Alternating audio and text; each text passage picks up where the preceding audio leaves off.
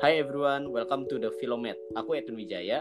Dan aku Aufar Satria. Kami berdua adalah konsultan strategi nih yang suka ngomongin macam-macam hal. Di podcast ini kita bakal diskusiin banyak topik dari politik, bisnis, investasi, dan keuangan, dan juga topik lainnya seperti fisika, filosofi, dan agama. Walaupun kami memiliki pekerjaan yang sama, tapi kami datang dari background edukasi, keluarga, dan latar belakang yang sangat berbeda. Oleh karena itu, kami bakal membawa berbagai perspektif dari kita masing-masing saat kita berdiskusi mengenai topik-topik tersebut. Bila kalian punya topik yang mau kita diskusin juga, langsung aja menghubungi kami di, di Instagram at filomet.id. Thank you guys. Cheers.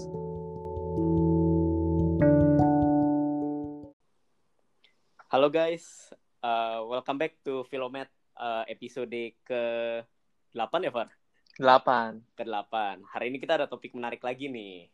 Hari ini kita bakal ngomongin stoic stoicism. Stoicism kalau misalnya kita uh, ngomong orang stoik itu kan uh, aku nangkepnya itu berarti orangnya itu nggak ada emosi ya, Far ya? Iya, kalau bahasa Inggris uh, itu udah dikonotasikan dengan itu ya, dengan iya. emotionless gitu ya. Iya, emotionless, jadi diem aja, jadi digangguin juga diem aja gitu-gitu sih. Tapi hari ini kita mau ngomongin tuh stoicism, itu semacam kayak filosofi gitu. Mungkin uh, aku juga gak tahu sih definisinya. Far, mungkin kau bisa jelasin Far definisi dari stoicism ini. Oke, jadi stoicism ini sebenarnya sebuah filosofi ya. Jadi kan kalau kita lihat pada zaman sampai sekarang lah filosofi hidup itu kan banyak ya. Jadi pada zaman dahulu ada sebuah filosofi namanya stoicism. Simple aja jadi stoicism ini memang didesain untuk istilahnya uh, menjadi gimana sih caranya kita hidup uh, dengan kebahagiaan dan gimana kita hidup uh, berguna gitulah bagi orang lain dan kita hidup uh, sebaik-baiknya gitu. Jadi itu adalah sebenarnya awalnya Stoicism. Jadi Stoicism itu sebuah sekolah lah, kayak ibaratnya sekolah gitu pada zaman dahulu. Nah, sebenarnya Stoicism ini apa sih gitu kan?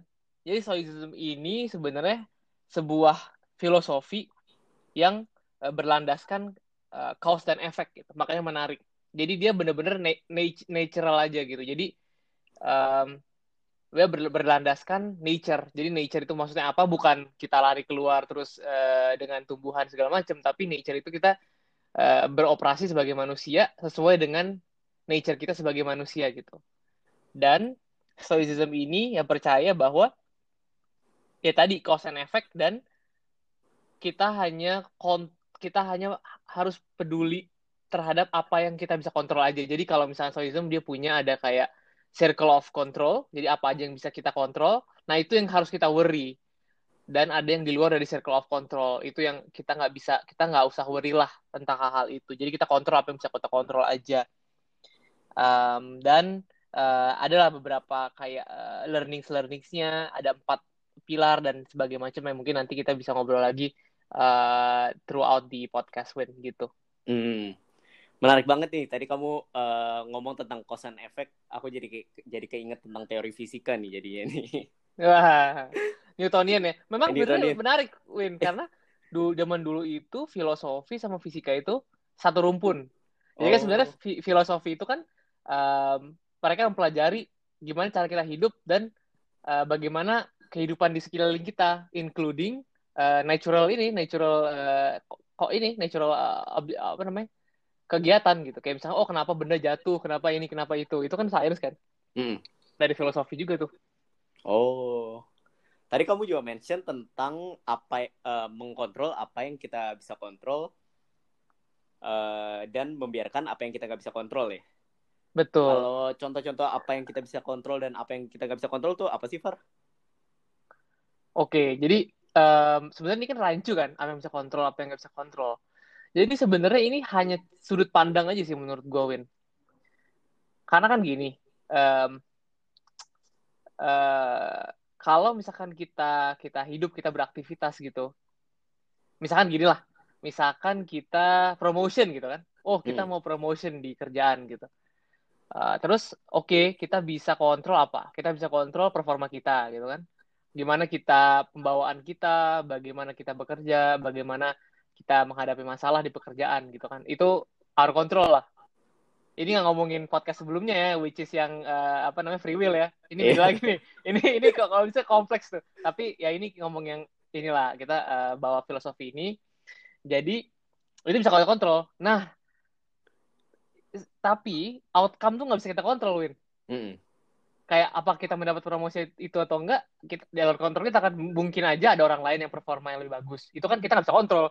Hmm. masa misalkan eh, teman gue yang performa bagus terus gue mau ngapain itu nggak bisa. Atau misalkan uh, bos gue pada hari promotion tiba-tiba uh, terdampak apa terda terdampak pada masalah terus tiba-tiba bete. Terus jadinya gue nggak nggak kena promotion gara-gara dia bete cuma gara-gara satu hal. Itu kan out of our control kan? Hmm. nah stoicism ini berkata oke okay, lu nggak usah peduliin. Yang lu peduliin adalah yang lu bisa kontrol sehingga tuh lu lebih tenang gitu. Ini sudut pandang tadi gue bilang tadi. Kalau lu udah pikir oke okay, itu nggak bisa gue kontrol ya jadi kalau gue gagal ya udah ya it's what happen uh, ya happen gitu happens kan gitu. Jadi gue lebih ke itu sih lebih ke gue nggak nggak resah aja gitu. Jadi hmm. sehingga gue happy kan makanya kan soism kan sebenarnya apa sih sebenarnya uh, intinya ujung-ujungnya ujung-ujungnya adalah supaya kita happy, content gitu with our lives dan stabil gitu. Kita nggak kita nggak oh panik segala macam enggak. Kita oh ya itu ya memang begitu. Gitu. Jadi kita lebih accepting sehingga kalau kita lebih accepting kan kita lebih happy kan. Hmm. Gitu. Maksudnya itu lebih ke sudut pandang aja sih. Oke, menarik menarik nih. Kita jadi ya ibarat nih kita ngambil case kalau promosi. Promosi yang kita bisa kontrol kan yang tadi kamu udah bilang kayak cara kita bekerja, terus performa kita, dan yang kita nggak bisa kontrol itu kan mungkin kayak competition kita dan mungkin bos kita dan situasi di kerjaan kan. Tapi hmm. kalau misalnya kita udah kasih yang terbaik nih Far, terus kita nggak tetap gak dapet nih, karena misalnya faktor X lah, faktor X yang di luar kontrol kita. Kalau stoicism gitu, apa nih jadi apa yang kita bisa kerjain nih, kalau misalnya itu terjadi? Nah, Oh, soal pun ada banyak nih ya uh, value-value-nya ya. Mungkin kalau untuk resource uh, untuk resource further ini further reach um, ada nanti gue kasih di akhir nih lah di akhir podcast further reach. Cuman kalau kalau misalkan banyak virtue-virtuenya, cuman ada empat virtue. Yang pertama tuh ada wisdom. Jadi bagaimana kita uh, merespon terhadap kompleks uh, environmental inilah. Jadi gimana cara kita ngerespon gitu kan? Yang kedua temperance. Jadi temperance ini adalah um, lebih menjaga, mengkontrol uh, emosi lu sehingga kalau ada sesuatu yang terjadi tuh lu bisa uh, nggak uh, inilah nggak se nggak semenam nggak nggak apa namanya nggak bereaksi selebay gitu nggak bereaksinya santai aja gitu. Yang ketiga just, uh, justice.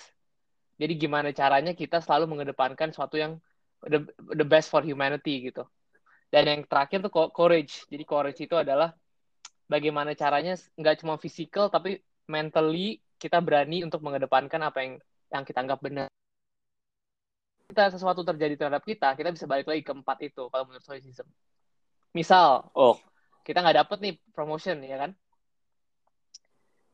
Nah, terus kita pertama kali kita pakai kita ini dulu nih temperance nih kalau menurut stoicism. Jadi kita, oh oke, okay, uh, eh, gue nggak dapet promotion, gue nggak gue langsung respon, gue nggak langsung panik, gue gue gue proses dulu nih jadi pause. Pause and take breath namanya kalau mereka. Jadi oh sabar dulu gitu kan. Temperance sabar. Habis itu baru uh, wisdom gitu kan. Wisdom adalah response. Kita harus ngerespon nih. Kita udah tenang kita harus ngerespons. Gimana cara kita ngerespons adalah kita um, ya dengan logik lah berpikir gimana caranya. Mungkin next time harus bagaimana. Kita bikin plan dan dan sebagainya macamnya. Dan mungkin bisa justice dan courage. Jadi courage adalah oh kok oke okay, gue udah di nggak nggak nggak promotion nih. Gue ya gue berani gitu menghadapi apa ke depannya. Gue tetap pede tetap tetap sebagai profesional tetap pede segala macem. Dan yang terakhir ya justice. Uh, fairness gitu. Oke okay, uh, apa namanya gue nggak gue nggak gue nggak promote. Temen gue promote. Gue nggak gue nggak gue nggak iri sama dia. Jadi gue gue nggak apa ya gue nggak uh, dengki lah sama si orang ini. Tapi karena karena gue punya uh, value justice oke okay, karena dia emang performa lebih bagus ya selamat selamat lah si orang ini terus kita juga uh, baik gitu. Jadi kalau kita run through those four virtues sih ya itu gitu. Dia mengajarkan tentang itu gitu. Hmm. Uh, tadi apa aja? Wisdom courage temperance temperance justice sama justice, sama justice ya. iya. Hmm. itu mungkin yang terakhir itu unik banget sih ya justice. Soalnya uh, ini kan ibaratnya uh, stoicism kan itu kontrol apa yang kita bisa kontrol nih. Iya. Terus tiba apa gimana ya maksudnya justice ini kayak gimana caranya uh, dengan meng mengkontrol apa yang kita bisa kontrol itu bisa membuat justice gitu. Hmm. Jadi uh, justice lebih ke fairness sih, Win. Hmm. Jadi apa ya kayak um, ketika ada orang gitu yang melakukan kejahatan terhadap kita atau misalkan terjadi kita terjadi kita tertimpa sesuatu gitu ya kita tetap menjunjung tinggi apa yang terbaik buat humankind buat bukan apa yang terbaik buat kita aja.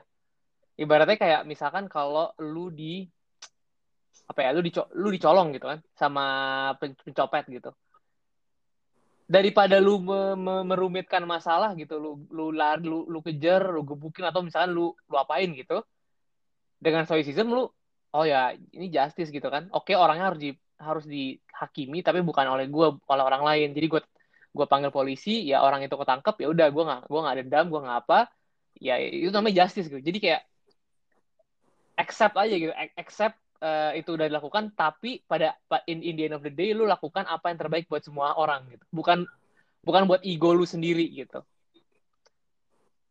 Hmm. gitu. Dan yang menarik sebenarnya Win uh, stoicism ini itu tuh di apply sama beberapa orang di jujung tinggi yang beberapa orang yang yang yang dalam course of history memang mereka uh, sangat terkenal gitu kan. Yang pertama contohnya Nelson Mandela gitu jadi Nelson Mandela ini salah satu uh, praktis practitioner believer lah dari stoicism ini. Dan sekarang kan dia memang uh, melakukan hal-hal yang, yang yang yang yang luar biasa gitu.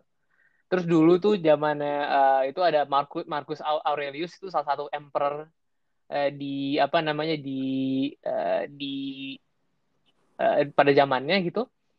Dan hal-hal tersebut membuktikan bahwa ya dengan kita uh, stoicism dengan kita uh, apa namanya kita kontrol diri kita kita kita apa namanya kita approach approach life um, as it is kita accept reality dan kita nggak apa ya nggak nggak semena-mena dari semacamnya kita bisa mengubah dunia juga gitu kita nggak perlu mengorbankan orang lain karena kan banyak nih kayak uh, perilaku-perilaku yang pragmatis gitu kan yang oh hmm. gue menang lu kalah gitu hmm. nah dengan dengan dengan eh, dengan stoicism ini dia nggak nggak kayak gitu gitu. Tapi tetap bisa mencapai apa yang dia apa yang mereka mau gitu. Oke ini stoicism ini mungkin menarik banget sih Far.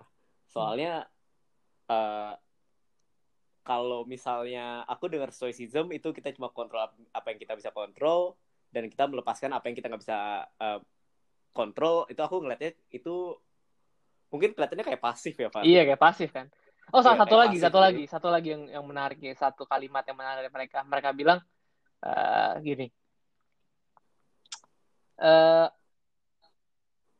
untuk itu uh, menyambung ke ini ya apa yang bisa kita kontrol ya. Dia bilang gini apa yang kita bisa kontrol bukan ak aksi yang kita lakukan atau bukan uh, sesuatu yang terjadi ke kita. Tapi yang kita bisa kontrol adalah how we approach and see things gitu yang terjadi kepada kita. Misalkan gini misalkan um, oke okay, tiba-tiba uh, misalkan Luwin misalkan tiba-tiba uh, misalkan tiba-tiba apa ya? Oh tiba-tiba misalkan uh, karena pernah terjangkit penyakit gitu kan. Penyakit apalah gitu. Uh, terus tiba-tiba oke okay, itu bisa itu kan bukan kontrol lu siapa sih mau kena penyakit?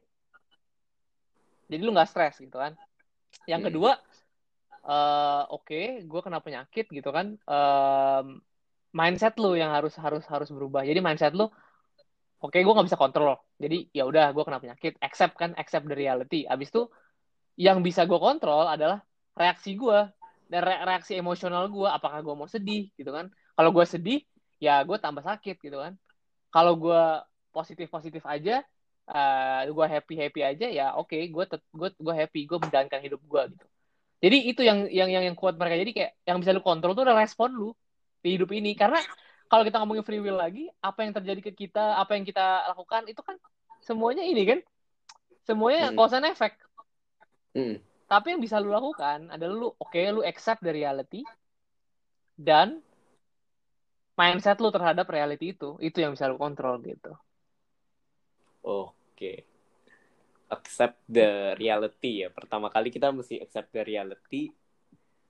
Terus habis kita accept the reality, kita mesti ngapain? nah accept, kalau lu udah accept kalau menurut menurut filosofi ini kalau lu udah accept the reality pertama pertama yang akan lu yang ini gue gue rasakan juga personally ya coba deh Wit uh, menurut ini kok kita discuss lebih lebih lagi lebih dalam lagi ya menurut lu apa sih yang menyebabkan lu sedih kalau menurut lu akarnya ya akarnya Menurut aku ya, kesedihan itu datang kalau ekspektasi kita itu nggak sama dengan apa yang benar terjadi. Mungkin itu sih definisi kese- kesedihan untuk aku. oke kenapa oke kalau misalkan ekspektasi nggak sama dengan reality artinya lu nggak accept reality kan Iya, iya kan karena karena lu masih punya ekspektasi gitu. Nah, sementara Iya. kalau di Stoicism itu nggak kayak gitu. Pertama lu accept dulu realitinya. Jadi rea- u- u- apa namanya ultra realis lah. Jadi ka- kalau ada sesuatu yang terjadi lu, oke accept langsung, accept gitu. De- karena dengan Tapi, lu a- accept, ya kan? Karena dengan, dengan lu accept, eh, apa namanya? eh, apa yang lu harapkan sama apa yang terjadi itu jadi satu gitu. Tapi eh, kalau misalnya kita ngomong gitu, aku jadi kepikiran nih Far. Kan tadi aku bilang kan kesedihan itu datang ketika ekspektasi kita itu lebih tinggi daripada apa yang beneran terjadi. Hmm. Terus tadi kamu bilang itu kita mesti pertama kali accept uh, re- realitinya kan. Iya. Tapi uh, kok uh, ini jadi ad- rada deket ke kita menurunkan ekspektasi kita ya. Apakah stoicism itu mengajarkan kita untuk mempunyai kayak ekspektasinya lebih rendah gitu jadinya. Supaya kita nggak bakal kecewa ke depannya. Nah, beda nih.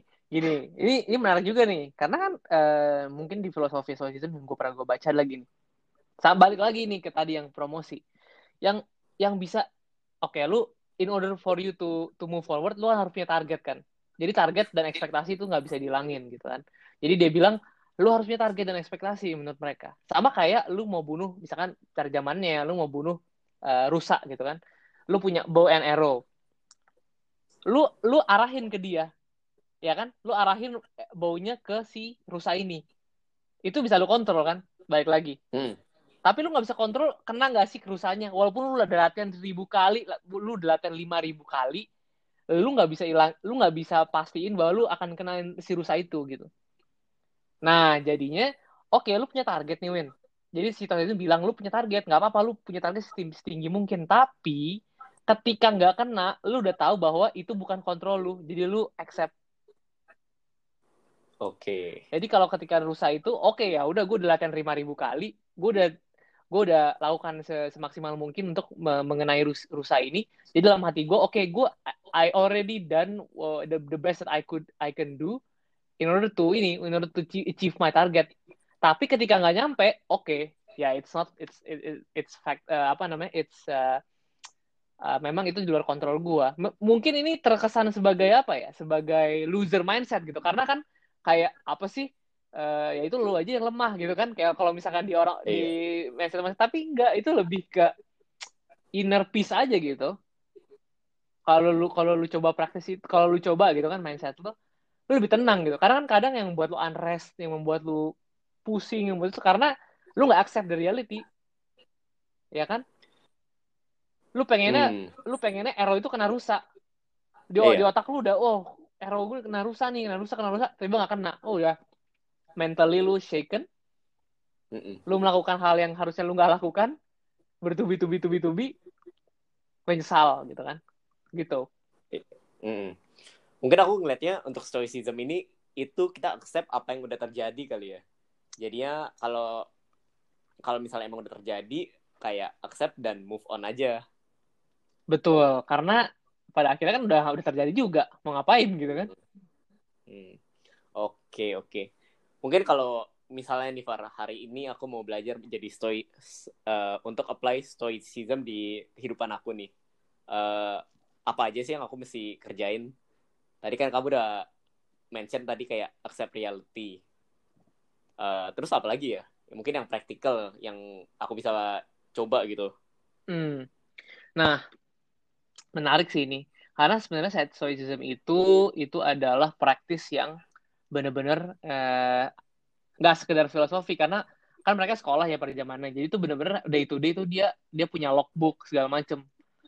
Jadi mereka harus ngetrace apa aja yang dilakukan di hari itu. Karena kan pada akhirnya kan habit kan. Kita balik lagi ke episode sebelumnya habit is what uh, what what makes us us gitu kan.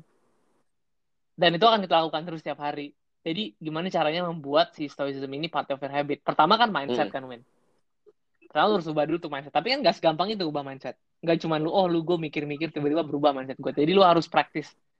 Gitu kan. Uh, mungkin yang pertama itu ketika setiap hari gitu ya. Kalau gue sih ya. Um, gue punya punya kayak nggak usah logbook atau apa. Jadi gue tulis aja ketika, ketika gue terjadi sesuatu yang impactful ke gue, gue tulis. Abis itu gue uh, reflect on it gitu. Apakah ini bisa gue kontrol, apakah enggak. Jadi, in the end of the day, um, gue gue tahu apa yang harusnya gue lakukan apa yang harusnya gue nggak lakukan di setiap kejadian di hari itu gitu misalkan hmm. jadi gue bisa oh ke depannya kalau misalnya gue ketemu ini lagi gue akan approach ini kayak gini kayak gini kayak gini kayak gini hmm. itu yang pertama dan yang kedua sebenarnya stoicism kan itu kan accepting the reality tapi kan sebenarnya segampang itu win accepting the reality. Misalkan uh, tiba-tiba uh, lu jatuh miskin gitu win. Besok lu nggak punya uang sepeser pun di dunia lu lapar nggak bisa makan. Oke okay, lu accept gitu. Oke okay, gue nggak bisa makan. Tapi kan lu perlu makan. Hmm. jadi jadi cara satu cara untuk melatih ini menarik juga sih. Jadi adalah stoicism orang stoicism ini selalu ngeput dirinya ke extreme circumstances sehingga ketika dia mencapai circumstances itu dia lebih gampang accept the, the circumstances. Misalkan uh, Tim Ferriss kalau misalnya lu tahu Tim Ferriss tuh dia salah satu pembuat nulis buku dan juga uh, ada podcast segala macam dia nge-practice stoicism dia bilang kayak gini. Dia practice poverty karena kan siapa tahu dia bisa poverty bisa jatuh miskin by rehearsing the worst scenario gitu. Jadi dia uh, beberapa hari dalam sebulan dia puasa untuk bener-bener kayak ngerasain kalau misalkan dia jatuh miskin tuh kayak gimana dan dia udah udah udah ready gitu kalau dia jatuh miskin untuk apa tapi for for the mental practice mental gitu. practice kalau jadi dia bisa bisa learn the discomfort sehingga ketika dia mencapai discomfort tersebut itu nggak nge-throw dia out of out of his life and his control in hmm. life gitu sama ada lagi yang menarik dia. Dia kayak uh, deliberately pakai pakai pakaian uh, buruk gitu. Kayak pakai pakaian jelek banget. Jelek banget tiba-tiba terus dia keluar aja gitu jalan-jalan segala macem. Jadi kan kayak dia di pasti dikata-kata segala macam itu membuat dia ketika dia memang jelek beneran gitu atau ketika dia memang uh, terjadi sesuatu sama dia gitu dia udah biasa. Jadi dia dia praktis discomfort. Sama kayak lu push up lah. Lu push up kan untuk ketika lu lu lu nge-push eh, something yang lebih berat daripada seharusnya lu udah bisa sama kayak ini mental lu udah siap ketika worst worst case scenario happens gitu in in real life oke itu jadi kayak latihan mental gitu ya untuk mentalnya kuat Iya latihan Tapi mental. kalau kayak gitu, misalnya dia latihan misalnya untuk jadi jelek nih, dia dia misalnya di misalnya waktu dia keluar dia dimaki-maki. Apakah itu bakal membantu Far kalau misalnya dia melakukan, melakukan kesalahan yang lain gitu? Kalau misalnya dia tiba-tiba apalah bukan bukan yang kesalahan yang bukan jelek gitu, tapi dia dimaki-maki juga. Hmm, menurut gue agak bantu sih, karena um, dengan lu udah itu kan lebih ngetrik your mind kan jadi lu uh, lu, lu ngetrik mind lu uh, bahwa the the the condition adalah kondisi kondisi yang lu nggak mengharapkan itu terjadi gitu kayak misalkan lu kan nggak nggak mungkin mengharapkan lu nggak makan gitu hmm. tapi karena lu ngetrik oh oke okay, hari ini gue nggak makan jadi otak lu udah kayak oh ya ini worst case scenario jadi ketika ada suatu hal lagi yang terjadi which is yang worst case scenario juga lu udah ngetrik otak lu kayak oh ya ya ini gue gue dapat worst case scenario jadi gue oke okay. karena gue udah kebiasa dengan worst case scenario gitu hmm. jadi lebih kayak ngetrik otak lu aja sih lebih kayak oh oke okay, ya oke okay, gue udah gue udah gue udah pernah men, apa menjalani menjalani ini itu worst case scenario gitu kan. Sama sebenarnya dengan ini kan dengan praktis di tentara gitu misalkan. Ya lu pelatihannya gila-gilaan karena ketika lu dijatuhin ke perang ya lu udah biasa gitu di latihan. Hmm dan pas di latihan lu nggak merasa overwhelmed. Sama kayak itu ketika lu miskin beneran ya lu nggak nggak sedih lu nggak lu udah biasa gitu. Kayak oh ya ya gue udah nggak udah biasa nggak makan atau misalkan apa gitu ini ngetrik mental Kalau gitu yang ini kau pernah cobain, Far? kalau gue sih mas, mas muslim jadi gue puasa. Jadi gue ngerasain. Cuman gue eh, pernah ini sih pernah kayak eh dulu sih pas kuliah pernah eh, setiap hari Kamis gitu kan untuk beberapa bulan eh, pakai topi yang konyol banget. Jadi pakai kayak eh, beanie gitu tapi bininya warna pink terus ke kuliah jadi gue selalu di apa dikata-katain gitu Itu sengaja, sengaja, maksudnya sengaja untuk kamu ngebuat mental kamu lebih kuat gitu. sengaja karena eh, apa namanya gue expose eh, apa namanya myself to to the the unfamiliarity of kan waktu, waktu itu ya untuk untuk di di center of attention which is waktu itu gue nggak terlalu nggak terlalu comfortable dan eh, dikata-katain gitu jadi sehingga ketika gue dikata-katain beneran ya oke ya ya oke gitu kan kayak gue udah nggak take it seriously lagi gitu dan I think it's ya walaupun itu cuma bentar doang sih tapi I think it's it, it it's impactful sih it, it was quite impact, impactful gitu. Iya. Iya bener banget sih Far. Menurut aku mungkin eh, untuk orang-orang yang overachiever mungkin khususnya kan orang-orang overachiever biasanya itu kalau misalnya ditaruh di situasi yang kelihatannya jelek itu mereka bakal stres banget kali ya. Jadi ya mereka udah Iya. terbiasa mungkin jadi yang terbaik, terbiasa mungkin dipuji-puji orang. Jadi ya waktu misalnya kayak dia mereka melakukan kesalahan tuh mereka mungkin bisa stres banget karena mereka nggak nggak biasa di eh, di situasi seperti itu. Mungkin ini stoicism ini mungkin eh, penting banget juga kali ya untuk orang orang-orang khususnya yang overachiever gitu.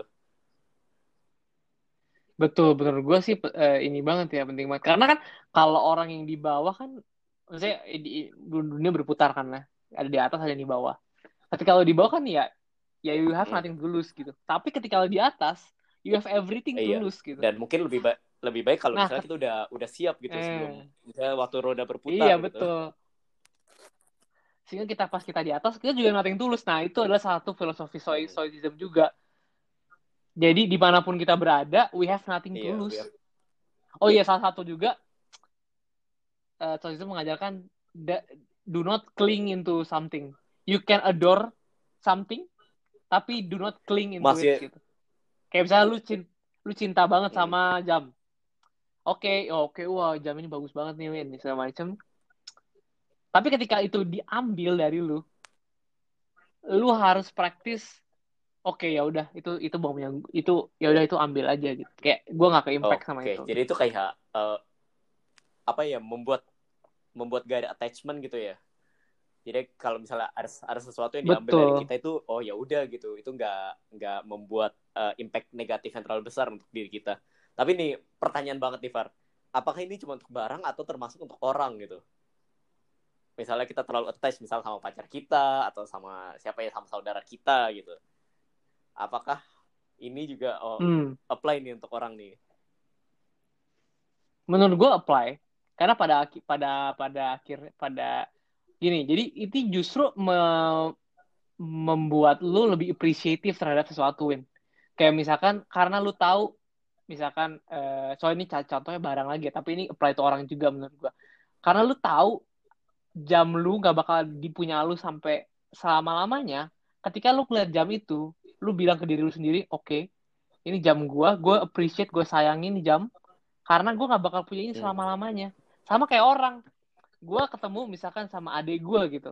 Oh adik gue ya pas gue ketemu gue nyadar dalam diri gue sendiri ya gue mungkin bakal kehilangan adik gue atau suatu saat seperti apa akan terjadi. Jadi gue lebih appreciative gue lebih loving gue lebih uh, put attention ke dia gitu jadi ketika interaksi bener-bener oh ini bener-bener uh, orang yang I I I pokoknya I I don't take take her for granted Oke, gitu ini jadinya. menarik banget, Far. Soalnya waktu pertama kali kamu bilang, aku pikir itu eh, itu maksudnya untuk kita siap-siap untuk kehilangan barang itu. Jadi setiap kali kita pikir, oh ini bisa hilang nih, jadi ya udah kita jangan terlalu dekat. Atau misalnya kalau barang nih kita jangan terlalu sayang nih, karena ini bakal hilang. Tapi ternyata definisi kamu itu kita maksudnya itu lebih appreciate ya, karena kita tahu ini barang ini bakal hilang. itu kita malah jadi give more Betul. attention gitu attention atau affection khususnya untuk orang Betul. Dan ketika memang ya balik lagi ketika memang uh, sudah hilang gitu kan karena kan ya lu tahu nothing is eh, forever gitu. Ya oke. Karena lu udah karena setiap hari lu udah put your attention full attention to to that person atau that item, maka you value the the experiences yang udah pernah terjadi gitu. You value the apa namanya the interaction yang lu udah put 100% ketika itu hilang ya oke okay, hilang gitu. Lu you don't get attached because lu udah menaruh ya attention lu selama lu berinteraksi dengan barang Hmm, atau orang no regrets gitu ya berarti ya? Iya no regret oke. Iya, gitu. menurut- iya stoicism ini menarik ba- banget sih ternyata ini dalam banget ya ternyata bukan cuma dalam banget kita Hmm. kalau misalnya kita digangguin kita diem aja itu ternyata itu stoicism itu benar-benar Hmm. itu about mindset dan about gimana kita ngerespon terhadap apa yang terjadi sama kita gitu dan ternyata yang paling penting itu Betul. kita mesti tahu nih apa yang kita bisa eh, kontrol dan apa yang kita nggak bisa kontrol dan mungkin untuk hal-hal yang kita nggak bisa kontrol itu kita eh, lepasin lah ya. Jangan terlalu attach dengan hal-hal yang kita nggak bisa kontrol. Betul setujuin. Jadi ya tadi tadi kan circle of control terus yang kedua yang lu bisa kontrol adalah mindset lu atau respon lu terhadap sesuatu. Dan yang ketiga ya itu apa namanya tadi do, eh, don't take for granted everything eh, anything or everything Uh, put your apa namanya benar-benar attention to that uh, that specific uh, thing. Dan ketika hilang ya memang uh, apa namanya ya memang itu nothing is nothing is forever. Jadi you don't get attached to something gitu. Oke, menarik banget, Far. Ini mungkin bisa langsung nih. mungkin buat ini mungkin buat apa reference? Gue baca buku. Ada namanya yang bagus itu How to be a Stoic um, dari yang kalau nggak salah uh, autornya Massimo Pigliucci ya. Terus ada The Daily Stoic uh, Ryan Holiday sama yang paling paling original teksnya itu namanya Meditations dari Ma- Marcus Aurelius tuh bener-bener zaman dulu tuh dia nulis dirinya sendiri kayak meditation hari-harinya dia dan reflection reflectionnya si Marcus Aurelius ini Emperor Roman Hmm. Roman Emperor di buku itu gitu. itu menarik banget tuh baca-baca itu Oke, ini menarik banget sih. Ini mungkin bisa langsung di-apply di kehidupan ya. apply Iya, Win besok Win langsung. langsung Yang gimana? Satu, kita tulis apa yang impactful, terus nanti kita eh, separate ya, apa yang kita bisa kontrol dan apa yang nggak bisa kontrol. Iya, jadi lu lu bisa tahu lah patternnya mana sih yang bisa lu kontrol yang mana sih yang nggak bisa dan lu selalu tahu oke gue udah gue udah ngelakuin apa yang bisa kontrol jadi gue nggak menyesal Oke, ini hari ini eh, perbincangan hari ini sih menarik banget sih, Far. menarik nih mungkin kita eh, bisa bahas macam-macam filosofi lainnya karena kan ya filosofi menarik sih kayak eh, you you have to learn you have to be open minded lah terhadap semuanya Mm-mm. gitu kan pada akhirnya kan kita makhluk hidup kita mau yang terbaik lah untuk kita Iya. gitu kan Iya guys, kalau misalnya ada mungkin ada hal-hal yang berhubungan dengan filosofi yang mau kita discuss atau ada input, mungkin bisa langsung hubungin kita aja atau komen di Instagram. betul. Silakan guys. Oke Win. Kayaknya menarik banget. Cukup sampai di sini kali Thank ya. you guys for listening. thank you guys. Bye. bye